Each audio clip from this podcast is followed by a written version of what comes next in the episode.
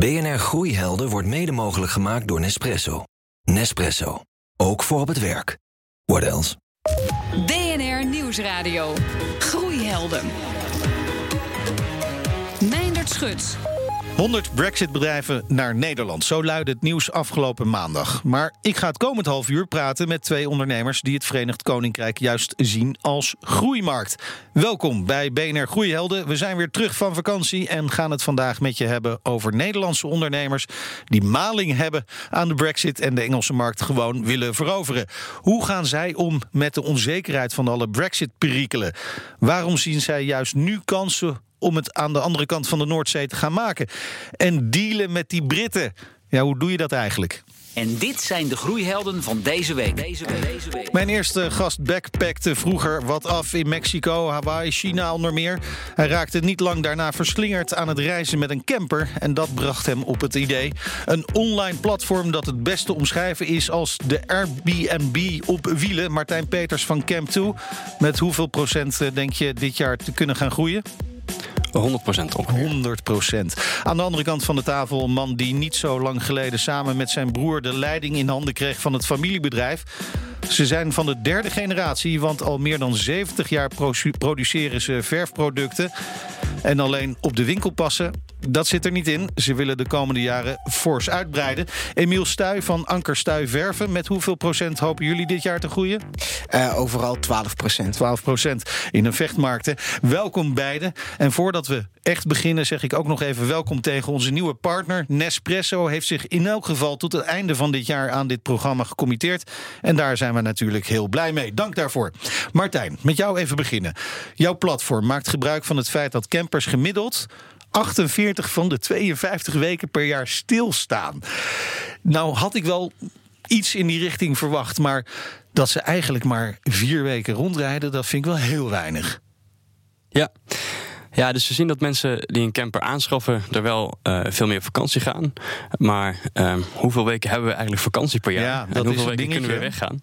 En uh, dat is, als je vier weken per jaar, ieder jaar, jaar in jaar uit met de camper weggaat, dan uh, ja, is dat heel wat. Ja, en dus is er ruimte. Dat hebben jullie bedacht. Ja, we hebben zelf ervaren eigenlijk. We zijn gestart doordat we uh, zelf een camper niet konden huren toen we zelf weg wilden in de zomer van 2014. En toen dachten we van ja, wacht even, waarom kun je eigenlijk niet met een camper op vakantie? Waarom staan er zoveel campers hier stil bij mensen op de oprit zonder dat wij ermee uh, weg kunnen? Mensen vonden het te spannend om hem aan ons mee te geven. Oké. En uh, ja, de, de, traditionele verhuurbedrijf zat helemaal vol. Dus uh, we zagen een kans omdat heel veel dingen stilstaan en er toch heel veel vraag is. En die konden we samenbrengen. Ja, en zie je dan ook dat de gedachte over het uitlenen of verhuren van je eigen spullen wat aan het veranderen is, ook mede door Airbnb bijvoorbeeld. Dat je daarvan profiteert met Camp2. Ja, ja, mensen vinden het nog steeds heel spannend. Oh ja. En uh, dat, dat blijft, denk ik. Het is toch echt ja. een eigen huisje waar ze heel veel mooie ervaringen mee gehad hebben. En hij is niet van steen, maar van de, nou ja, plastic karton. Ja, ja. dus uh, er kan nog wel eens wat kapot gaan. Ja. Uh, dus dat blijft heel spannend. Maar steeds meer mensen die gaan het toch doen. Ja, en jullie moeten natuurlijk als tussenpersoon dat vertrouwen wekken dat het goed komt. Precies, daar ja, zijn we voor. Daar zijn jullie voor. Nou, over vertrouwen wekken, Emiel, uh, dat doen jullie producten natuurlijk. Uh, jullie produceren verfproducten en leveren die met name aan de industrie het lijkt me inderdaad, want ik had het al over een vechtmarkt, maar in ieder geval zeker competitief. Ja, er zijn in Europa uh, aanzienlijk uh, uh, verschillende spelers in deze markt. Nederlandse bedrijven, Duitsers, Scandinavische, maar ook Zuid-Europese bedrijven. Ehm, die ook acteren in Engeland bijvoorbeeld. Ja. Ja, ja, in Engeland, daar gaan we het straks uitgebreid over hebben. Jullie leveren dus ook binnen- en buitenland, Mhm. ook in Azië. Hoe, hoe ben je daar dan terecht gekomen? In Azië wordt ontzettend veel uh, hout uh, gekapt en verwerkt. Ja, ja. En uh, dat hout wordt voornamelijk hier gebruikt in Europa of in Nederland. Um, voor nou ja, verwerking tot kozijnen, meubels, trappen. En um, eigenlijk vroegen die mensen ons daar van... wij willen meer doen dan alleen het kappen en het verwerken tot plaatmateriaal. Wij willen er ook al een laag verf op doen. En ja, zo kom je in contact en voor je het weet zit je in het vliegtuig naar dus, Azië. dus, dus voor veel mensen hier in Nederland, hun kozijnen, die zijn in Azië gemaakt, maar de verf is van jullie. Ehm, nee, de kozijnen worden wel hier geproduceerd. Het gaat dan voornamelijk om bijvoorbeeld glaslatten of eh, plaatmateriaal. Oh, ja. En dat zijn weer onderdelen die in een kozijn worden toegepast. Maar Ja. het kozijn zelf wordt hier in Nederland geproduceerd. En sinds dit jaar een eigen kantoor in Engeland. Ja, veel ondernemers horen dit en zullen denken: met al die onzekerheid, waarom doe je dit nu? Eh, ja, we hebben kantoor geopend in Peterborough, ehm, een uurtje boven Cambridge. En eh, wij waren al zo'n drie, vier jaar actief in Engeland via een importeur, Myton Products. En ehm, ja, wij wilden zekerheid van levering, wilden we veiligstellen. Maar ook de omzet die we al hadden opgebouwd. Dus wij wisten Ja, ja. van als we dit niet doen, dan gaan we een stuk omzet verliezen. Omdat wij zelf niet de voorraadposities kunnen bepalen. Ja. En ehm, wij willen zelf. Merkten wij ook dat de grotere klanten niet via een importeur wouden bediend wilden worden. Dus eh, daarom moesten we direct de markt in. Ja, ja. En dat kwam eigenlijk op een moment wat samenviel met van oké, eh, we moeten iets doen om als antwoord tegen de brexit. Ja, je bent derde generatie, hè? Correct, Ja, opa heeft het opgericht. correct. Nou heb je, begreep ik net van mijn eh, redacteur John, drie categorieën. Je hebt de, de werver, de erver en de bederver. Is Ja. dit jouw manier om het bedrijf te bederven? Eh, nou, dat hoop ik niet. Ehm, gelukkig heb ik deze keuze dus ook niet alleen gemaakt. Ehm, daar Samen is met je broer onder andere? Ja, en ook de tweede generatie is daar Oh, nog in betrokken geweest. Dus eh, dan zou het een eh, gezamenlijk eh, falen moeten zijn. Eh, maar ik denk dat dit een heel goed antwoord is om toch te blijven acteren in een markt die wellicht krimpende is in de komende tijd. Oké. Maar op de lange termijn zeker gaat herstellen. Gaat herstellen, dus je neemt een voorschot op eh, een mogelijke toekomst van weer groei. Ja. Daar komt het op Ja, neer. ja, ja. Ja, eh, en Martijn, jullie zien Engeland met Camp 2 vooral echt als een groeimarkt, hè? Ja. Waarom? Er zit nog geen speler. Er is niemand die, eh, of geen platform actief die dit doet wat wij doen. Oké. En ehm, het is de derde markt van Europa. Qua Dus qua ehm, aantal nachten op campings geboekt en qua aantal campers geregistreerd. Oké, het, het zijn echt kampeerders dus. Ja. De Britten, in eigen land ook. Veel in eigen land, ja. En dat gaat, denk je, ook toenemen? Dat ze meer in eigen land eh, op vakantie gaan als de brexit een feit is? Ja, zeker. Als ik Ja? in mijn ja, haak ja, op je antwoord. Ja, want als ik met collega's en klanten praat, dan zie je niet alleen door de brexit, maar ook door eh, nou ja, alles wat er eh, eh, terreuracties en dat soort dingen. Dat speelt, dat leeft echt bij Engelsen. Veel meer dan bij ons Nederlanders. Dus je ziet, ik heb een collega die wil alleen maar in Engeland op vakantie. A, omdat hij de natuur zo mooi vindt, maar B Het ook eten omdat zo het- lekker is. nou, er zijn adressen, daar kun je goed eten. Ehm, maar nee, dat beaam ik wel. Dat er steeds meer Engelsen zijn die in eigen land op vakantie gaan. Ja, maar jij hebt natuurlijk keiharde cijfers nodig. Niet alleen maar eh, dit soort ervaringen. Ja, en, Martijn? en op zich, ehm, wat ons betreft, hoeft, hoeft het niet per se te gaan groeien. Want ehm, alleen al de hoeveelheid vraag die er is en Ja, het tekort aan aanbod wat er is.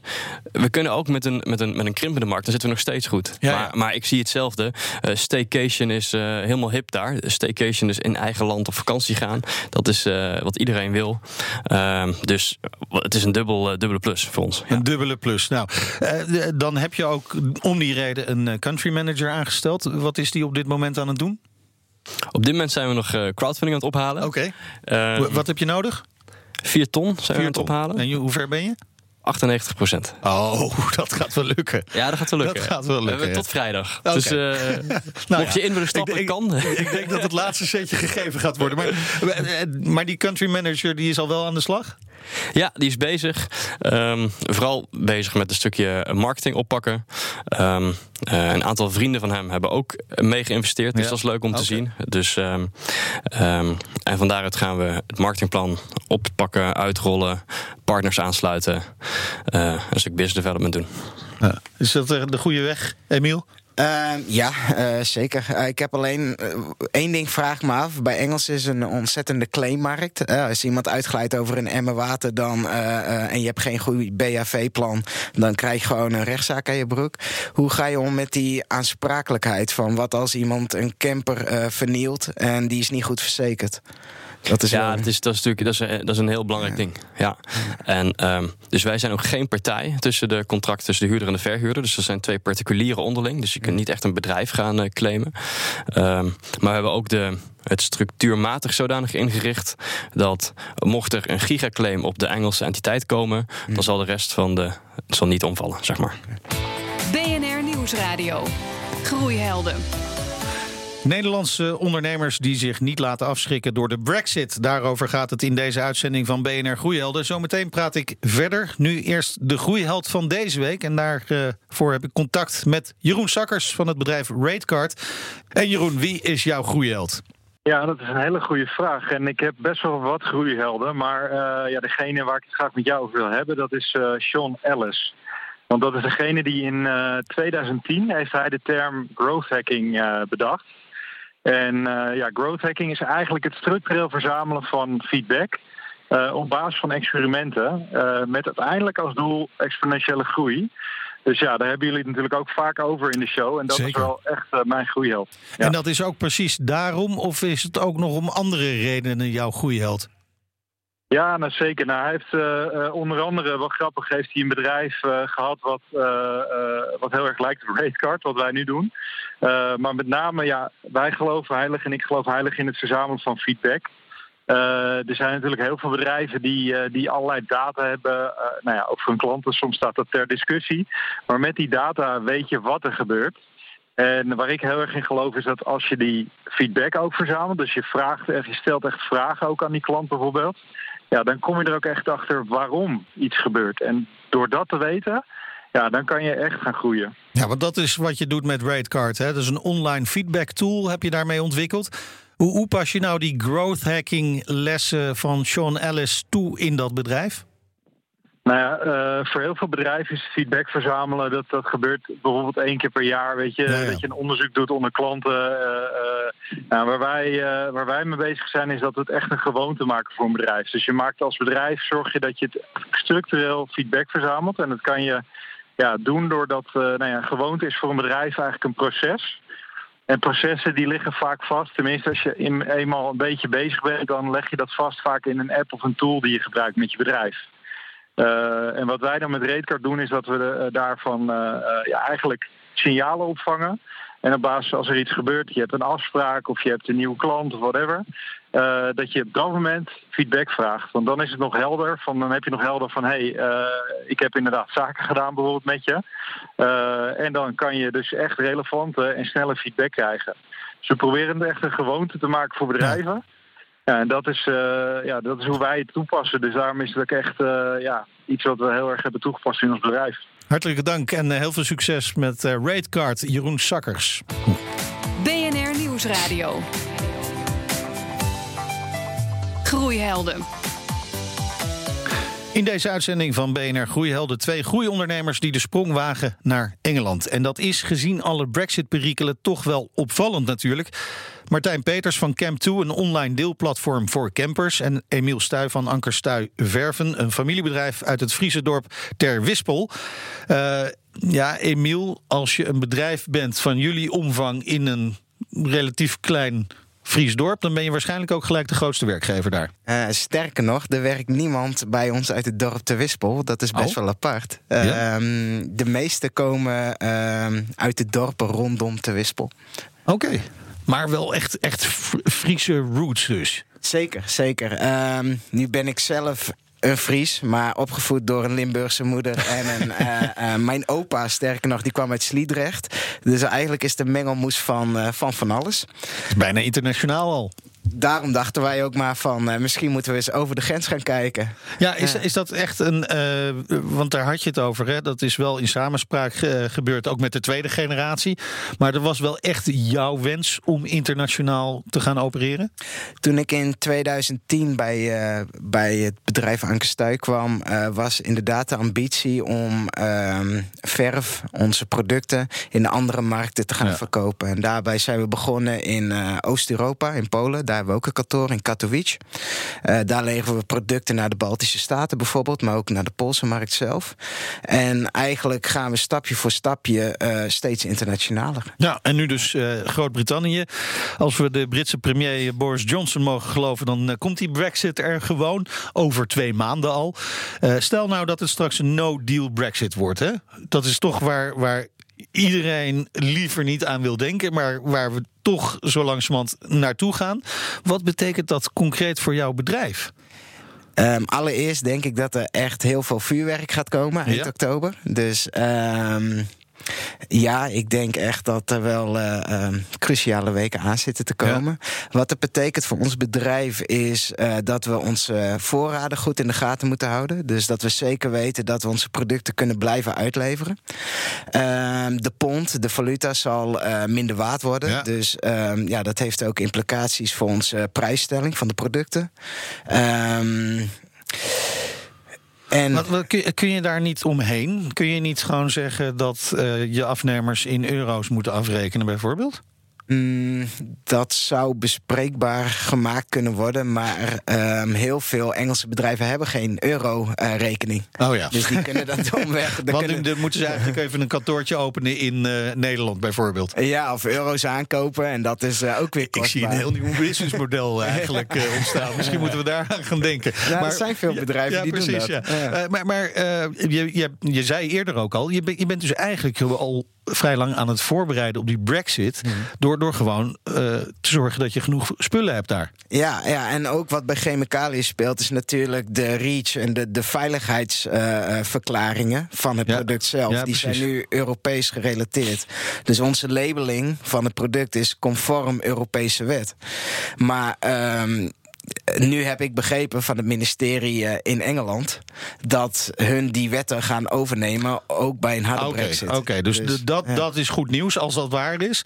Ja. Uh, dan kun je altijd nog te maken hebben met importtarieven die omhoog gaan eventueel. Ja, op chemicaliën. Ja, ja, ja. maar als ik dat heb, hebben mijn Euro Europese collega's dat ah, ook. oké. Okay. dus dan valt dat mee. Dan valt dat mee. Heb je goed contact met uh, de trade-organisaties in de UK en zo? Ja, wij zijn echt ontzettend goed ontvangen uh, door via de ambassade, Engelse ambassade in Den Haag. Uh, zijn wij doorverwezen naar uh, verschillende andere instanties. Daar zijn we echt ontzettend goed ontvangen. Zeker toen we vertelden dat we een kantoor wilden openen en dus werkgelegenheid creëren. Ja. En um, ja, dat moet ik echt mijn uh, moet ik echt chapeau zeggen tegen voornamelijk de City Council of Peterborough. Die heeft mij echt letterlijk uh, rondgereden en gezegd van wij weten nog wel een paar mooie panden. Ah, kijk ja. aan. Ja, ze doen dus echt wel, ja. echt wel hun best. Maar Martijn, ga jij er nog iets van merken? Want je, je hebt natuurlijk een platform. Jij importeert geen goederen. Dus uh, importtarieven, daar heb je niet mee te maken in principe.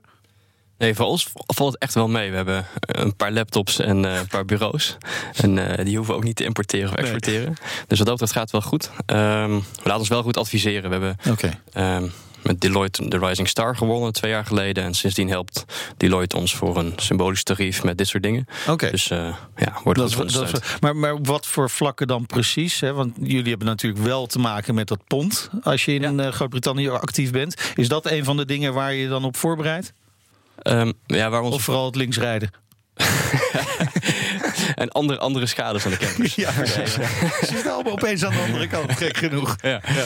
Nee, dus, ja, dus we hebben een structuur uh, aangepast van de organisatie. Uh, Engelse entiteit opgericht. Okay. Uh, dat soort zaken. Ja, uh, beide dat alle... Is, ja? dat is trouwens om daarop in te haken. Wie zegt dat je na de brexit als niet-UK-paspoorthouder... nog een LTD kan openen? En wat? En uh, BV. Oh ja, ja. oké. Okay. Ja. ja, dat is dus altijd dat goed om dat even die, uit te leggen. ja. Ja, oké, okay, maar, maar die hebben jullie nu dus al, dus dat ja. probleem is er dan niet. Beide in Engeland geweest onlangs. Hoe, hoe leeft het daar, de Brexit? Uh, ik ben net terug van vakantie, maar ik ga maandag weer naar uh, okay. Peterborough. En wat hoor je tot nu toe uh, over de Brexit en gevoelens in Groot-Brittannië? ja, hetzelfde wat jij in de media leest. Ja. ja. En dan kijk ik veel BBC natuurlijk. Hopeloos verdeeld. Ja. Merk jij er wat van? Ja, mensen zitten in spanning en afwachting. Ze weten het niet. het is vaag. BNR Nieuwsradio. Groeihelden. Als je groeit, dan komt er heel wat op je af. En dus geven onze groeiprofessoren elke week tips voor ondernemers met een flinke dosis expansiedrift. Deze week Kees de Jong van NL Groeit over internationaliseren. Groeiondernemers zijn ambitieus en willen vaak dus ook de grens over. Logisch, want Nederland is een kleine thuismarkt. Maar maak dan niet de fout om te starten in België, zegt Kees. Het is voor heel veel mensen maar een uurtje rijden. En zelfs in België zijn alle dingen anders dan dat je in eerste instantie denkt dat ze zijn. Natuurlijk, je weet dat het veel meer relatiegericht is. Dat je eerst drie keer moet lunchen, dat je sociaal moet zijn. Maar toch de manier waarop mensen met elkaar zaken doen, is anders. Ehm, dus en internationaliseren om te beginnen met België. Heel veel bedrijven die je ken hebben daar heel veel geld verloren. En niet de minste trouwens. Vraag maar aan de oprichters van Thuisbezorgd en Young Capital. En ga je nu de grens over? Zorg er dan voor dat je daar locals bij betrekt. Zo pakte Kees dat aan. En wat ik dus deed, ik zorgde ervoor dat ik het liet leiden door een lokaal persoon. Die haalde ik naar Nederland. Die ging zes weken meelopen in het Nederlandse team. En die stuurde ik weer terug samen met de Nederlander. De Nederlander was verantwoordelijk voor de operatie en voor het contact eigenlijk met, het, met ons kantoor in Rotterdam. En de lokale kerel, die was vervolgens uh, verantwoordelijk voor het lokale netwerk en de, en, en de sales in Duitsland. En die formule, um, dat werkte enorm goed. Daarnaast, en ook dit is belangrijk, moet je bij zo'n stap naar het buitenland ook je eigen kantoor klaarmaken voor deze sprong. En dat zit hem vaak in kleine dingetjes. En dat begint al met dat je je, je mailverkeer, dat je je mailtjes in het Engels gaat schrijven. Zodat iedereen alles kan lezen. En dat je niet een soort Nederlands kamp krijgt en een soort buitenlands kamp. En dat zijn kleine dingen die je vooraf in je, in je design van je internationale organisatie kan meenemen. En dat was Kees de Jong van NL Groeit. Ik praat eh, verder over zaken doen in Engeland. Expansiedrift met Martijn Peters van Camp 2. En ook van de partij is Emiel Stuy van Ankerstuy Verven. Martijn, uh, als je in Engeland de markt wil veroveren... Uh, dan moet je met, toch met een aantal dingen rekening houden. Ik maakte net een grap over linksrijden. Natuurlijk heel relevant voor die camperverhuur. Maar er zijn ongetwijfeld andere dingen. Is die Britse klant ook anders dan de Nederlandse klant? Ja, we, ja, zeker. Ja, en zeker cultuurverschillen merken we. Um, wij zitten best wel dicht bij de mensen. Het is, het is echt van particulieren voor particulieren. Ja. En uh, daar kun je over dingen gaan vallen wat, waar wij niet over nadenken. Zoals? Um, een Facebook-post die we hadden, waar je een heel leuk gezin met een kampvuurtje ziet en een camper op de achtergrond. Daar werden ze helemaal boos over. Want je mag geen kampvuurtjes hebben, dan kunnen bossen in brand vliegen. Oh, en hoe kun je zo waar, onbeschoft zijn? Het regent toch altijd in Nederland?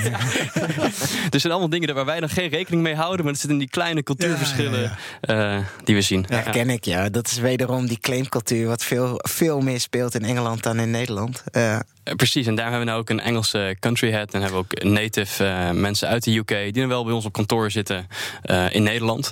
Um, maar uh, die hebben iets meer feeling met wat wel niet soort van onbeschoft is in het Engeland. Ja, precies. Ja, nee, dat heb je zelfs al in België, kan ik me voorstellen. Want daar zijn jullie natuurlijk ook actief. En dus we spreken voor een deel dezelfde taal, maar verder zijn we echt totaal anders. Ja, klopt. Ja, ja. precies. Um, um, Emiel, die, die zakelijke verschillen tussen Britten en, uh, en Nederlanders. Daar moet je dus rekening mee houden. Cultuurverschillen moet je rekening mee houden. Zeker. Uh, jullie hebben ook uh, Britten in dienst? Ja, ja we hebben drie, drie Britten in dienst. Um, en daarbij merken we ook inderdaad dat de, de bepaalde vragen totaal anders zijn als in Nederland. Um, bijvoorbeeld met uh, health and safety uh, zie je dat heel erg. Um, dat je uh, natuurlijk moet je producten voldoen aan veiligheidsbladen. Ja. En daar staat precies in omschreven wat de gevaren en risico's zijn van een product. Okay.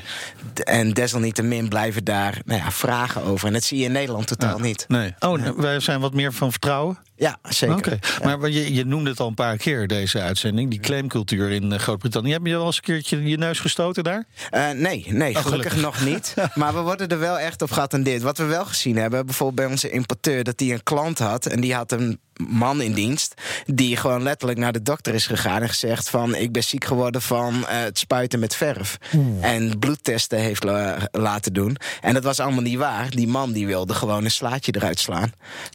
Um, en uh, daarnaast uh, adviseren we altijd uh, om be beschermingskleding te dragen. Ja. Doe je dat niet, ja, dan is dat wel je eigen risico. Dan is dat je eigen ja. risico. Dank voor die tip voor al die mensen die van plan zijn om iets te gaan doen met chemicaliën in Groot-Brittannië. ja. altijd, altijd belangrijk. ik wens jullie heel veel succes. Nog een laatste dingetje. Wat zijn de plannen voor de komende maand? Martijn? voor de komende maand is um, opstarten met de nieuwe country manager, afronden van de crowdfunding campagne en uh, langzaam weer gaan groeien in Australië. Oké, dat is ook belangrijk natuurlijk. Niet je andere markten vergeten. Uh, 9 oktober, officiële opening met uh, Nederlandse ambassadeur um, in Engeland en de burgemeester van Peterborough. Um, ja, en dat wordt de beloofde mooie dag. Heel veel succes uh, beiden en heel veel plezier met het ondernemen in Groot-Brittannië en al die andere landen waar jullie actief zijn. Ze hebben lak aan de Brexit en zien volop kansen aan de andere kant van de Noordzee. Ik dank mijn groeihelden van deze week, Emiel Stuy van Anker Stuy Verven en Martijn Peters van Camp 2. Terugluisteren kan op Spotify, in iTunes en in de BNR-app. En daar vind je ook onze andere afleveringen en podcast over groei. Wij zijn er volgende week natuurlijk gewoon weer. Dan met twee groeibedrijven uit de fitnessbranche. Ja, we moeten weer fit worden na de zomervakantie. En tot die tijd zeg ik lekker blijven doorgroeien. BNR Groeihelden wordt mede mogelijk gemaakt door Nespresso. Nespresso. Want groei begint met de juiste koffie.